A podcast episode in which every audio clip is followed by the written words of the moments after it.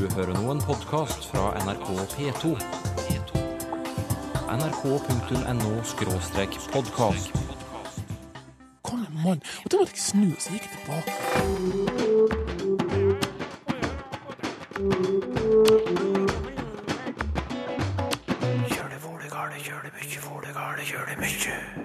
Hvilke ord har vi lagt merke til i 2014? Kan du svisje mig 500 kroner. Eller jeg kjøper øl, og så får du svisje over pengene til meg sen. Og shabab, det betyr en venn. Hva så shabab? Eller hva så shabab? Og det er så en pike, det er en venninne.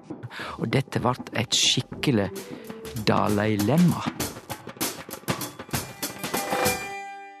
Årets siste utgave av Språkteigen skal fylles med ord. Svenske ord, danske ord, norske ord. Hei og takk for sist, Helle Solvang. Hei. Og hei også til deg, Emmy Rasper. Hei, hei. Dere er programledere for Språkteigens svenske og danske søstreprogrammer. Helle, i Danmarks Radio, da heter det Det heter Språklaboratoriet. Og i Sveriges Radio, Emmy, hva kaller dere det der? Språket i P1. Det er sånn. Sånn er det. Sist dere dukket opp i Språkteigen, det var i den store skandinaviske sendingen vår i november, der vi snakket om forholdet mellom norsk, svensk og dansk. I dag kommer dere med årets ord i lommene, for også i Sverige og Danmark er det tradisjon i desember å løfte fram noen ord som av en eller annen grunn er knyttet til det året som er i ferd med å ebbe ut. Hvordan foregår det hos dere i Språklaboratoriet, Helle Solvang? Det foregår sådan, at vi indkalder en masse forslag hos danskerne, og vi sender øh, hvad hedder det, pressemeddelelser ud, og vi sender videoer ud via de sociale medier, så vi øh, indkalder så mange ord som overhovedet muligt, fra så mange forskellige som muligt. Og der har vi fået flere hundrede forslag. Så er der en øh, dommerkomité på en fem øh, personer, der sammen med mig laver nomineringslisterne. Og de bliver så sendt ud, og øh, så har vi i år som noget helt særligt, så haft nogle øh, unge fra 10. klasse til at øh, gå med ind og være med til at nominere nogle af ordene, og også vælge nogle af ordene. Fordi i år har vi haft flere kategorier end bare én. Vi har haft årets øveord, årets skønne ord, årets ghetto-danske ord, årets spritnye ord og årets ord. Mange, mange kategorier, både dårlige ord og bra, ord. Men du, årets ord, hva ble det? Årets ord i 2014 blev mobile pay. Mobile pay. Pay. Nå må du forklare hvorfor dette er årets ord hos dere i Danmark. Ja, der har allerede vært en masse reaksjoner på det ord, en masse debatt, og det synes jeg er riktig godt, fordi det viser jo, hvor, hvor egentlig hvor ukritisk og hvor, hvor glad vi tager øh, engelske ord inn i det danske sprog. MobilePay er en app, som er blevet meget populær i Danmark i løbet af, af det her år. Og vi står jo, man kan sige, ved øh, foden af Mount Everest, hvad angår mobilbetalingen. Og Danske Bank, som er en af vores øh, banker, har lavet denne her app, som har fungeret rigtig godt, og, øh, og danskerne bare har taget den til sig. Over to millioner bruger MobilePay. Og, og vi er begyndt at bøje det ord, så vi kan mobile paye hinanden. Øh, jeg har mobile payet deg. og det er sådan noget, som øh, private bruger rigtig meget mellem hinanden. Når jeg går på loppemarkedet, eller jeg øh, skal til en middag med venninnene, så kan vi bare lige sende hinanden pengene direkte fra mobil til mobil. Så det er både blitt et substantiv og et, og et verb som kan bøyes. Ja, nemlig. Mm. Men du, som du sier, noen syns det her er dumt fordi det er et engelsk eh, ord. Ja, altså der, der er mange, der bare tror eh, per automatikk at årets ord, det skal være et dansk ord, men det er der ikke noen der sier.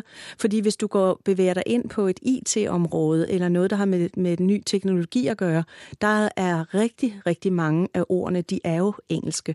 Så hvis du velger et ord, som har været meget karakteristisk det år, eller som viser en udvikling eller historisk øh, milepæl på et eller andet måde, så vil det bli et engelsk ord. Emmy Rasper, hva synes du om at et engelsk ord blir kåret til årets ord i Danmark? Nej men det, det tycker jag är skoj. Det är ju så språk fungerar, att vi lånar in. Men det jag tänkte på när jag hörde detta, det är att i Sverige så har vi nog en tjänst som är väldigt lik det du pratar om Helle, MobilePay. Men den heter Swish. Eh, och det är ju också då ett, alltså ett varumärke. Men det har också blivit, eh, det, har, det är inte med på några av våra nyordslistor här i Sverige. Men kanske nästa år. För att vi kan också prata om att vi swishar varandra. Och då är det just att man skickar över pengar med mobilen. Kan du swisha mig 500 kronor. Eller jag köper öl och så swishar jag. Så får du swisha över pengarna till mig sen. Ja, det høres morsomt Det är ut. samma eh, sätt. Mhm.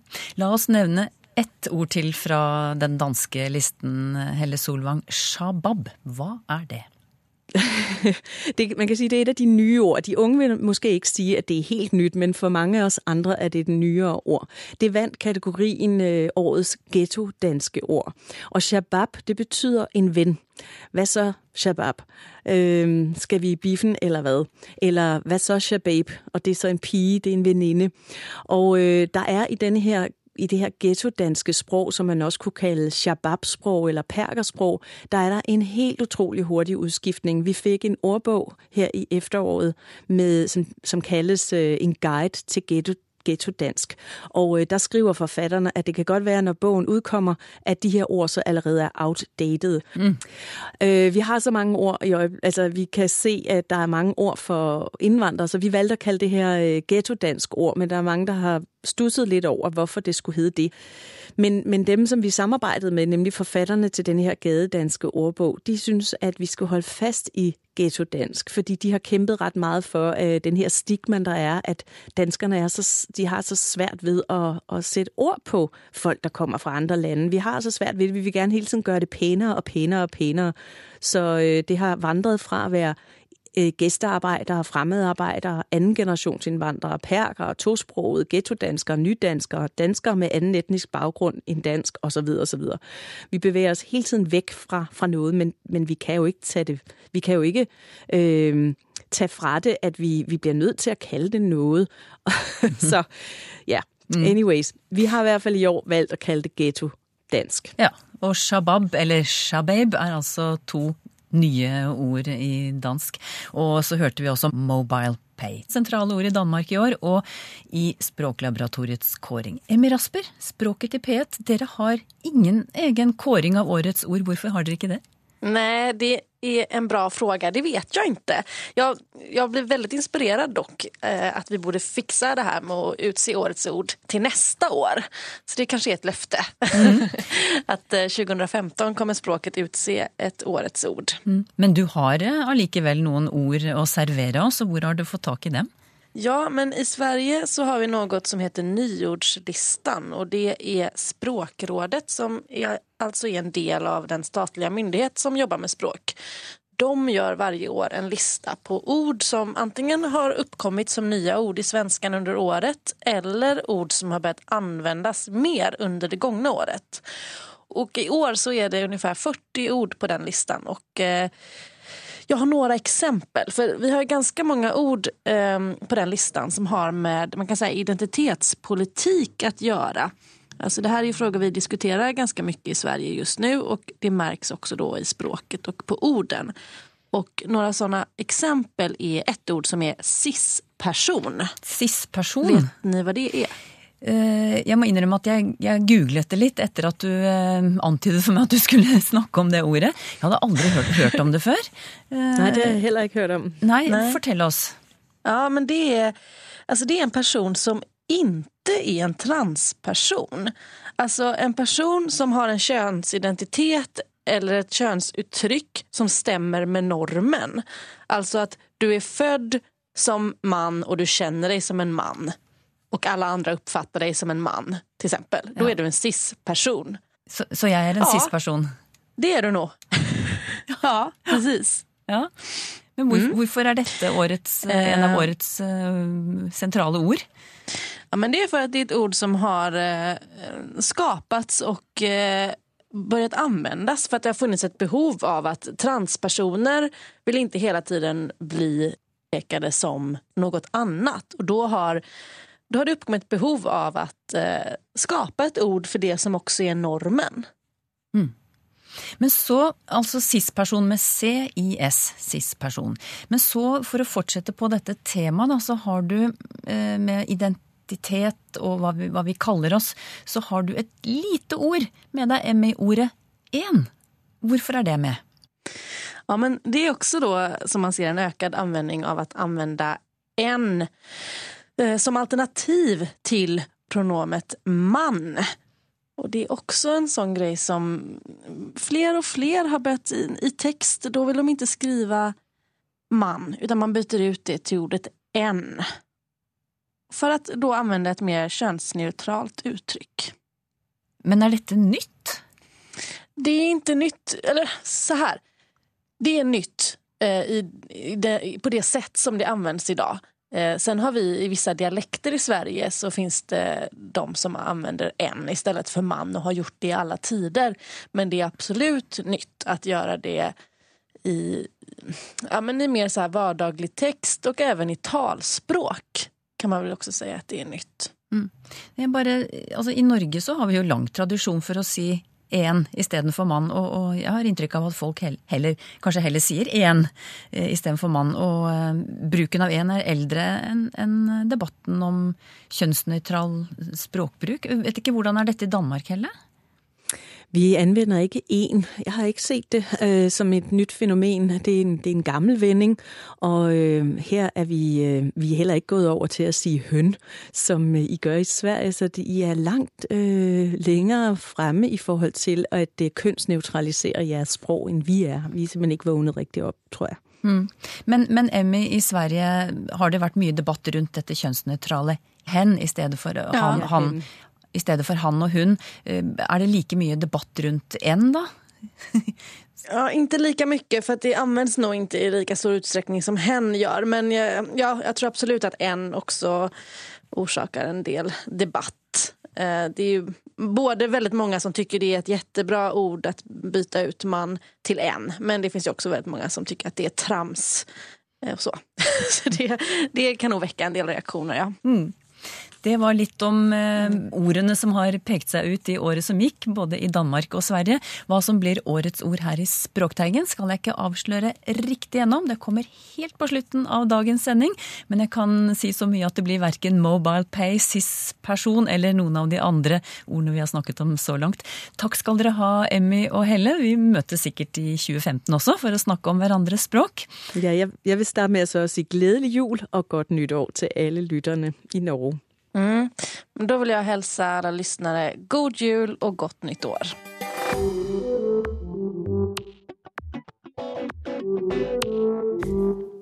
Hvordan har eh, julen vært så langt, Sylfes Lomme?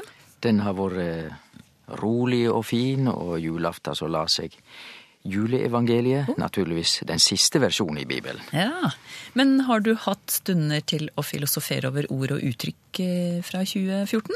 Det er klart at jeg har tenkt på hva slags ord jeg syns er typiske for 2014. Det Ja. skulle bare mangle. Bra, for det er jo på denne tiden vi pleier å kåre årets ord her i Språkteigen. Et ord som kan representere en hendelse eller trend som har vært med på å prege det året som snart er slutt. Men så vil vi også trekke fram andre ord som har gjort seg bemerket. Og mm, kanskje vi skal begynne utenlands? Ja, og da kan jeg nevne to ord.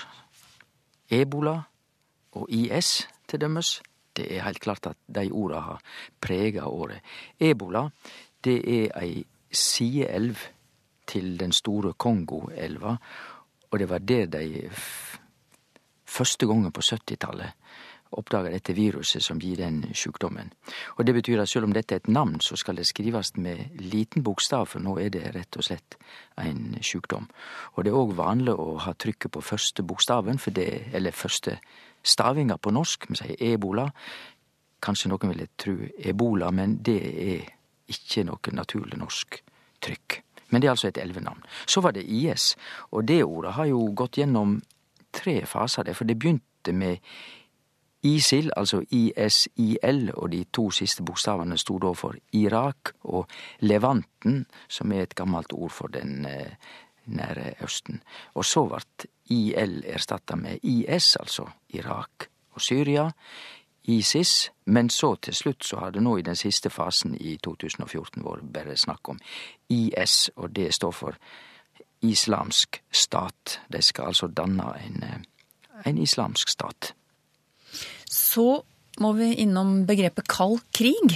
Det trodde vi jo var lagt i skuffen for godt, men den militære opptrappingen i Russland og hendelsene i Ukraina har ført til at vi nå snakker om kald krig igjen. Både vi kan se det i nyhetsbildet, høre det på Dagsrevyen osv. Og, så og Forsvaret har også tatt dette ordet, eller dette uttrykket opp igjen fra skuffen, forteller de.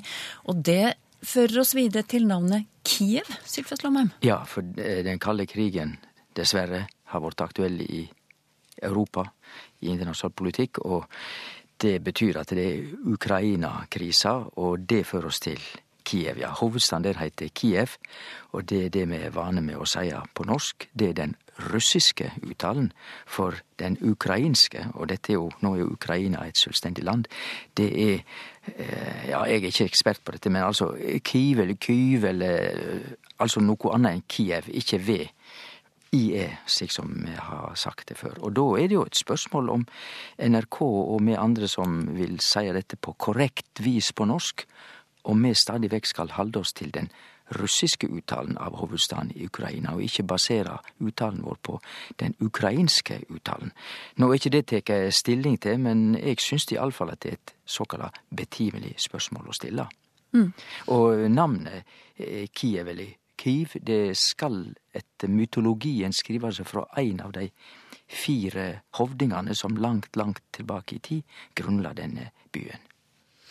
Vi kan eh, fortsette med stedsnavn, men nå ja. innenriks. Flom, et av de stedene som ble rammet av storflommen på Vestlandet i høst. Ja, og da er det jo eh, for det første et stadnavn i Norge som er knyttet til dramatiske hendinger. Det flaut jo hus og dører og alt mulig ute i fjorden i Flom i november. Eh, månedsskiftet oktober-november, og 300 mennesker ble evakuerte. Det er ikke småtteri. Men flom og flom Altså, eh, på bokmål sier vi flom, på nynorsk sier vi flaum. Og begge de to orda har jo med, med å flyte å gjøre, altså det som renn, ikke sant? Engelsk flow. Så sånn er det. Men det språklige poenget er at stadnavnet Flom har ingenting med flom å gjøre, altså det som flyter. Det er rett og slett flertall av et stadnavn Flå, som vi òg finner i Hallingdal. Og det betyr ei slette, så Flom er egentlig slettene. Og det er litt flatt der, der elva renner ut i, i fjorden. Så Vi kan jo skyte inn at Gjertrud Sandvin, en av lytterne våre, foreslår nettopp Flom som kandidat til årets ord. Det er jo forståelig. Mm. Og da kan jeg jo nevne det nærliggende ordet ekstremvær, som har vært ekstremt mye nevnt i 2014. Og ekstrem betyr jo det som er ytterpunkt. Eh, det latinske ordet ex betyr ut, slik at ekstremvær er virkelig det været som ligger utafor normaliteten, og det gjør det jo virkelig. Ja. Over til den digitale verden, eh, som det kan være godt å få seg en pause fra av og til. Og da kan det være greit med skjermfaste eller digital avrusing. Ellers ender vi kanskje opp med mobilnakke, som var et av ordene på Språkrådets nyordliste i år. Og du, Sylfest, har merket deg noen ord fra den politiske arenaen? Ja, det har jeg, og det er jo stadig vekk eh, mye politisk retorikk som vi kanskje ikke syns er så voldsomt imponerende. Men eh, iallfall så vil jeg nevne mulighetsrom, som var framme i debatten om OL-budsjettet og vi har hatt eh, finansministeren som har snakka om i 2014 skattefrihetsdagen. Begge disse ordene er jo eldre, men det er jo retoriske grep, da. Og fotavtrykk er kanskje det som virkelig er bortimot et nyord i budsjettsammenheng i 2014, fordi de ulike partier som har samarbeidet om statsbudsjettet, vil jo gjerne sette sitt preg på budsjettet. Og da har de brukt fotavtrykk, og da ser vi òg at det er ikke nok med et fingeravtrykk, det er for lite, det snakker de ikke om. Nei, det skal vises at de har stått der. Da har vi fotavtrykk. Ja, og ordet fotavtrykk eh, var også favoritt hos en av lytterne våre, nemlig Solveig Dæhlin. Så vil jeg trekke fram robust. Det har jobbet seg opp til å bli et mye brukt honnørord i politisk retorikk, f.eks. For i forbindelse med kommunereformen. Robuste kommuner, det er målet, får vi stadig høre. Ja, jeg la merke til enn du sa at det har jobbet seg opp. Det er mange som har jobba det opp. ja. Alle de som har snakka om kommunereformen, og de som er for store kommuner, de bruker jo robust, for det går liksom ikke an å være usamd i eh, ordet robust. At eh, kommunene skal bli bedre og mer effektive og flotte, eller hva som helst. Sterkere. Det, det, eller sterkere. Det er litt vanskeligere å, å tro på uten videre, iallfall. Da legger du lista litt høyere, men en robust kommune, det, det må jo alle kunne være med på. Men Dalai Lemma, Sylfest, hva er det for noe? Ja, det tror jeg de som har fulgt med i ordbruken i 2014, at de har lagt merke til. Fordi eh, Dalai Lama skulle jo komme på besøk. Og han skulle komme på besøk eh, på forsommeren, i mai var det kanskje. Men det begynte jo den debatten allerede like etter årsskiftet, fordi at eh, skulle han takast imot skikkelig, og hvordan skulle de forholde seg til Dalai Lama, så videre og så. Og dette vart et skikkelig Som jo spiller på ordet dilemma. Det er et gresk ord. Dilemma. Di betyr to, og lemma betyr setning eller uttrykk, så det greske ordet dilemma betyr to eh, tosidig ytring, altså to sider, du veit ikke hva du skal velge, altså. Det, det er tosidig. Men Dalai Lemma spiller jo på Dalai Lama. Og da må jeg forklare enn hva det ordet er for noe. Dalai er et eh, ord som betyr hav, og eh, lama er et ord i tibetansk språk som betyr lærer eller åndelig overhoved. Det tilsvarer guru i, i indisk, slik at um, det er lærer og hav. Og dette høres jo veldig religiøst ut, det er jo akkurat det det er. Dalai Lama er ærestittelen for den som er overhovedet for tibetansk buddhisme, og det har visst vært en ærestittel de siste 400 år omtrent. Men det enda jo med at han gikk inn eh, hovedinngangen i Stortinget, var ikke det så en? Jo, han gjorde det. Men eh, fikk ikke kanskje ha møtet sitt i de flotteste salene i Nei, Stortinget? han fikk ikke det. Nei. Takket være Magnus Carlsen er sjakk et av årets ord. Det synes lytter Bård Kvam også. Han har sendt oss annet dette ordet. Hva kan du si om sjakk, Sylfes Lomheim? Jo, det kan jeg si at eh, jeg er jo ingen sjakkspesialist, men sjakk er rett og slett samme ordet som alle som har levd ei stund, husker godt. Snakk om sjahen av Iran, han som måtte gå av. Og så overtok jo eh, prestestyret i Iran seinere. Shah er det persiske ordet som ligger til grunn for sjakk, og det betyr konge. Ikke overraskende. Og matt, det er død, slik at sjakk matt betyr kongen død. Et uttrykk vi har stiftet bekjentskap med helt på tampen av året, er falsk basestasjon. Aftenposten som nå i desember avslørte at det foregår overvåking av mobiltrafikk bl.a. ved Stortinget og ved statsministerens kontor ved hjelp av falske basestasjoner. Hadde du hørt om falske basestasjoner før, Sylfest? Nei, det hadde jeg ikke gjort i det hele tatt. Jeg hadde hørt om basestasjoner, men iallfall ikke falske basestasjoner, hva det var for noe. Men eh, det er jo tydelig at det er en mellomstasjon som sender signalet da videre til de ekte basestasjonene, som så kan levere budskapen. Det er en slags mellom, et mellomledd, en mellommann. Jeg tror på engelsk så snakker de om middleman. Det har flere navn. Det har jo et, et engelsk navn også. Ja, for det, det norske er jo litt rart, men vi forstår jo begge orda falske basestasjoner. Men det engelske ordet er IMSI catcher, og der er det slik at I-en står for international, og M-en står for mobile, og S-en står for subscriber, og I-en, den siste I-en, står for identity. Og så er det jo catcher. Så det er IMSI, catcher. Og det er jo et skikkelig rart ord. Og nå er det jo et ord som mange, mange nordmenn har sett på trykk. Og bare for fire veker siden så hadde både andre og ikke minst jeg stått som et spørsmålstegn hvis vi hadde sett det ordet. Og det viser noe veldig typisk for språket vårt. Språk og samfunn, det er to sider av samme sak. Og når det skjer ting i samfunnet, så skjer det noe med språket. Så ordutviklinga skjer veldig raskt i språket vårt. Men vi må vel avsløre at falske basestasjoner, det er ikke det vi har tenkt skal være vårt eh, årets ord, eh, Sylfest Lomheim. Men det er Nei. kanskje på tide å avsløre det nå. Det er et av de ordene vi allerede har nevnt. Du kan jo få presentere det, du. Da presenterer jeg det ordet som har vært en gjenganger i vår nasjonale politiske retorikk, nemlig robust. Robust, årets ord fra Språkteigen. Og hva vil du si om robust? Ja, det er jo eh, et gammelt ord i og for seg i norsk, men det er ikke norsk i det hele tatt.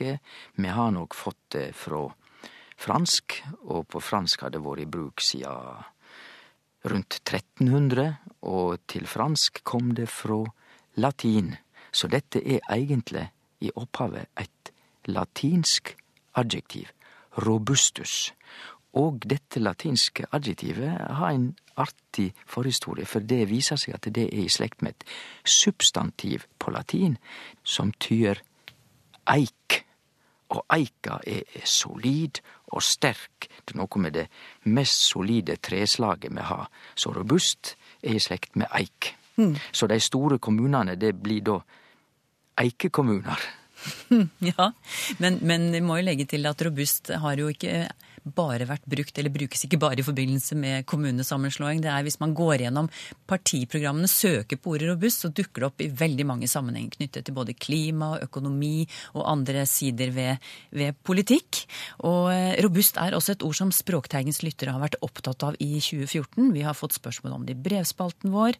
Språkteigens følgere på Twitter og Facebook har kommentert det, og da vi etterlyste lytternes kandidater til årets ord, så var robust det ordet som ble foreslått flest ganger. Nettopp. Så da må vi si takk til blant andre Solveig Flermoen, Turid Følling Eilertsen, Lars Lodding og Marit Apeland Alfsvåg, som alle foreslo dette ordet. Eh, Marit skriver blant annet at i et foredrag hun holdt, spøkte hun med robust og kalte det et moteord. Og foredragsholderen etter henne hadde ordet robust på tittelbildet sitt allerede. Au da. Ja, slik kan det gå. Men iallfall premier, krus eller T-skjorter til dere som jeg nevnte nå. Og jeg trekker også ut noen flere navn som får en hilsen i posten fra Språkteigen. Og da, Sylfest Lommen, gjenstår det bare én ting. Og det er å ønske alle lytterne våre både godt nyttår og et godt nytt år. Det siste betyr hele året 2015, men hvis vi sier godt nyttår, da er det nok mest sjølve nyttårshelga vi tenker på.